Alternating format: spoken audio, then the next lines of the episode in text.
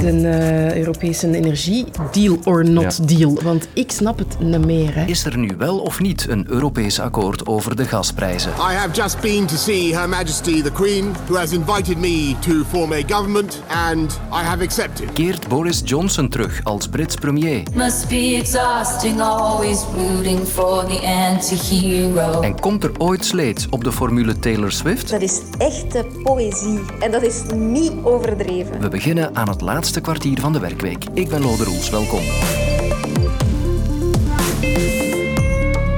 Vanochtend werden we wakker met goed nieuws. Na nachtelijke onderhandelingen hebben de Europese leiders een akkoord gevonden om de piekende gasprijzen af te toppen. We do now have a very good roadmap to keep on working on the topic of energy prices. Het is de eerste maal dat de Europese Raad met een conclusie komt die zo'n duidelijke instructie geeft aan de ministers van Energie. Nous avons conclu un accord. Een akkoord, een akkoord. Ja, dat klinkt veelbelovend. Of toch niet? Dus meneer Rutte, als ik het goed begrijp, er komt een maximumprijs op gas. Nee. Oh. Ja, nou dat moet dus helemaal worden uitgewerkt. Hoezo? Dat moet nog helemaal worden uitgewerkt. Is er dan eigenlijk wel een akkoord of niet? Ik ga eens even naar de Duitse radio luisteren. Immer gut informiert met Bayern 1. Hier sind die Nachrichten des Bayerischen Rundfunks. Einen Durchbruch bei dem großen Streitpunkt, dem sogenannten Gaspreisdeckel, gab es nicht. Wacht hoor, daar zeggen ze nu toch net, er is geen doorbraak over een prijsplafond voor gas. Wat is het nu eigenlijk? Ik ga te raden bij Jeroen Rijgaard. Dag Jeroen. Dag Lode. Je bent op de Europese top, je hebt het de uh, hele tijd gevolgd al. Kan jij het ons nu uitleggen? Hoe zit het nu? Is er een Europees akkoord over de gasprijzen of niet? Er is een Europees akkoord over het feit dat de gasprijzen gaan aangepakt worden en dat er een vervolgtraject komt. Dat klinkt bijzonder ingewikkeld, Lode. Het komt er eigenlijk, als we het dan over dat fameuze gasplafond hebben, op neer dat het niet afgeschoten is. Dat er dus verder gewerkt mag worden in de richting van een gasplafond door de ministers van Energie. En die gaan daar dinsdag aan beginnen.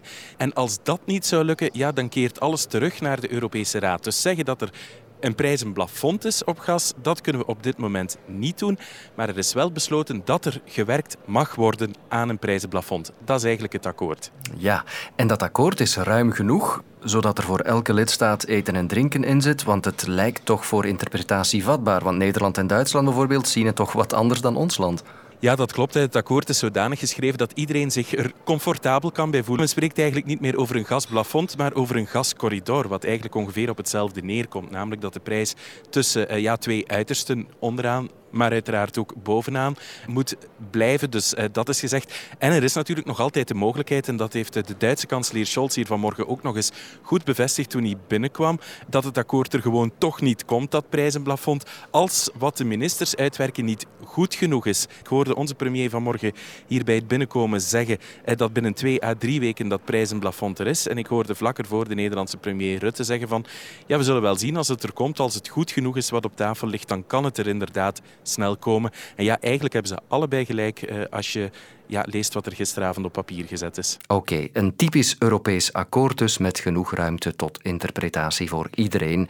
En eigenlijk een stap vooruit om concrete maatregelen uit te werken. Toch bleef ik met wat vragen zitten. En gelukkig kon ik terecht bij Mathieu Blondeel, onderzoeker energiepolitiek aan de Warwick Business School. Is dit live? Of, uh, nee, nee, nee, nee we gaan dat opnemen. Hè. Ah ja, oké, okay, ja, ja, ça va. Ik legde hem drie vragen voor. 1.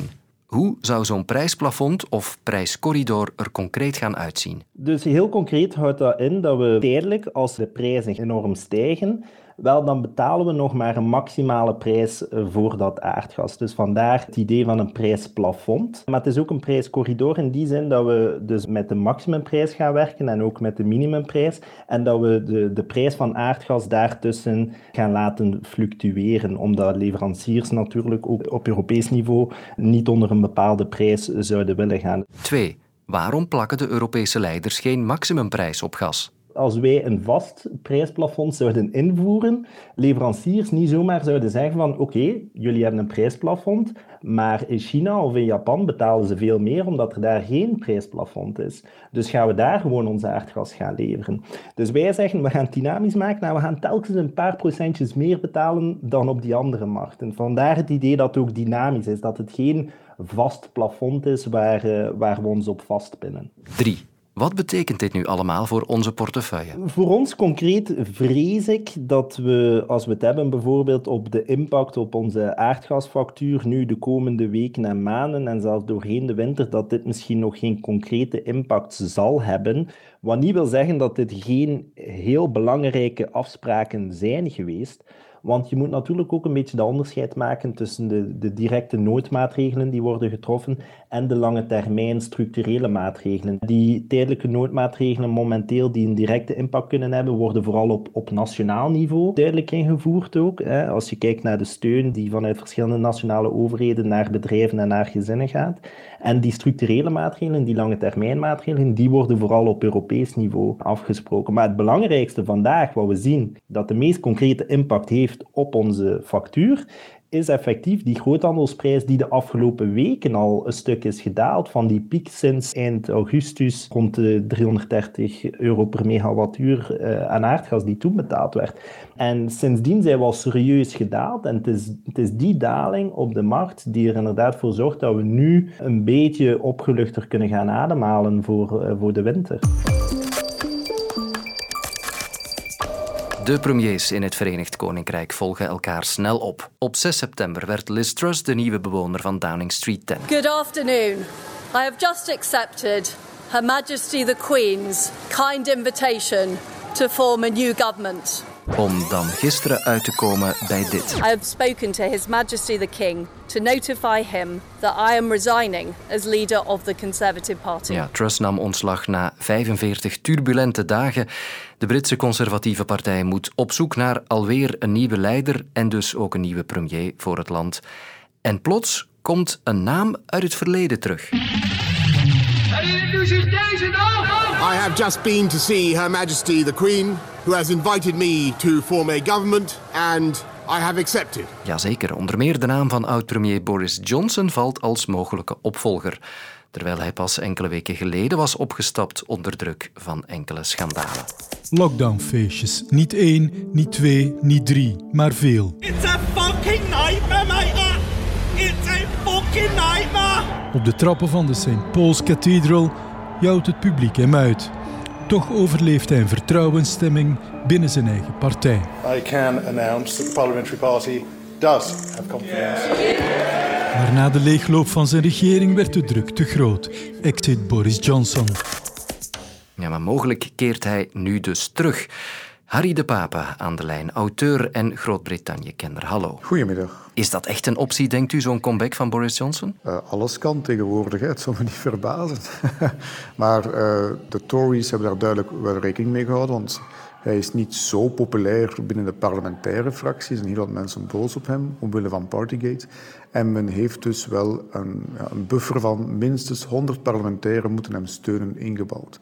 En als hij uh, dat behaalt, dan maakt hij veel kans. Maar dat zal nog wel een uitdaging zijn, denk ik. Heeft hij genoeg steun van zijn partij op dit ogenblik? Hoe schat u dat in? Ik schat in dat het moeilijk wordt. Hè. Um, maar als hij 100 tot 101 uh, parlementairen achter zich heeft en dus uh, naar de stemming naar de leden wordt gebracht, dan zie ik hem wel die stemmingen winnen. Want binnen de partij, bij de partijleden is hij wel nog heel populair.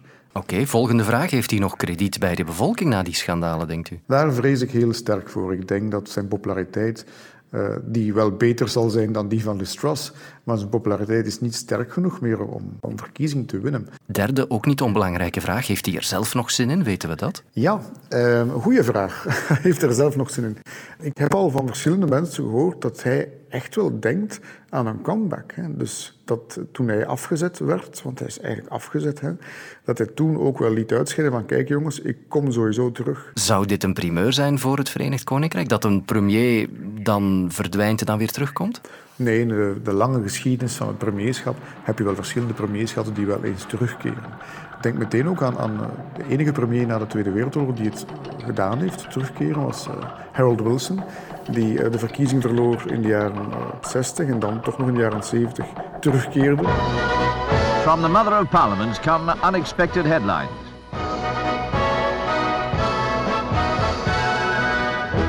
Mr. Harold Wilson's decision to step down as Prime Minister of Great Britain and leader of the Labour Party came as a surprise even to his closest colleagues. Dat is natuurlijk een andere context. De man was een populaire figuur, verloor wel verkiezingen, maar bleef wel de man van Labour toen en keerde ook terug. Daar ging niets van gerechtelijke procedure rond, er ging geen Partygate rond, er ging niet de controverse rond zoals nu rond Boris Johnson hangt.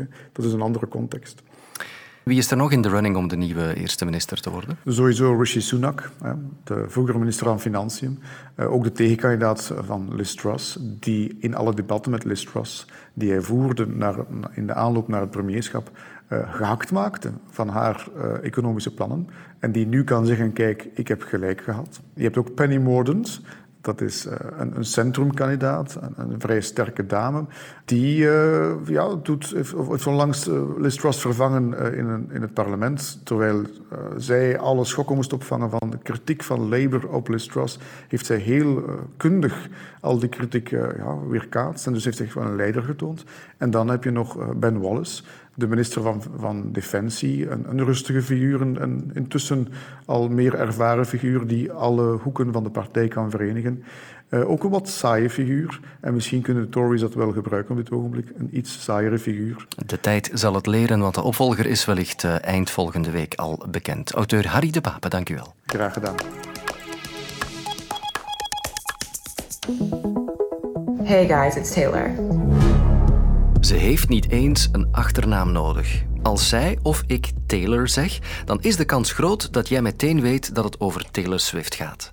Zangeres, songschrijfster, maar vooral ook een fenomeen van wereldomvang.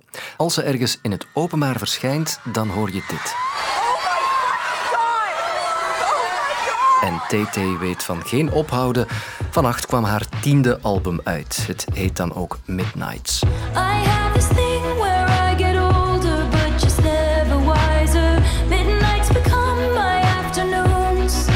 En de fans, die zaten op hete kolen. Ze gaat weer verder, ze doet het weer.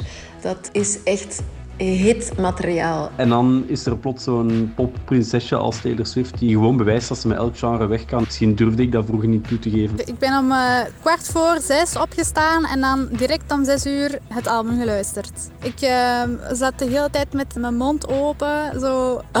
Oh my god, ja. Die laatste, dat is Bouke van den Bossen. Zij is een echte Swiftie. Een Swiftie is een superfan die veel over Taylor Swift weet. Een echte, echte fan, ja. En die Swifties verzamelen vanavond in Antwerpen voor een zotte Taylor Swift-nacht. We verwachten een uh, 1100 man. Dus we gaan 6 à 7 uur lang de hele avond op Taylor Swift dansen. Enkel Taylor Swift wordt gedraaid. Er is zoveel variatie naar albums, dus het is niet heel tijd hetzelfde. Dat maakt het ook leuk. Lekkere muziekjes, devote fans, muziekprijzen en trofeeën die ze nauwelijks nog in één kamer gepropt krijgt. Komt er dan nooit sleet op die formule Taylor Swift? En ik ben misschien net iets te oud om het te snappen, maar op de zevende verdieping van het VRT-gebouw bij de collega's van M&M, daar snappen ze het zeker.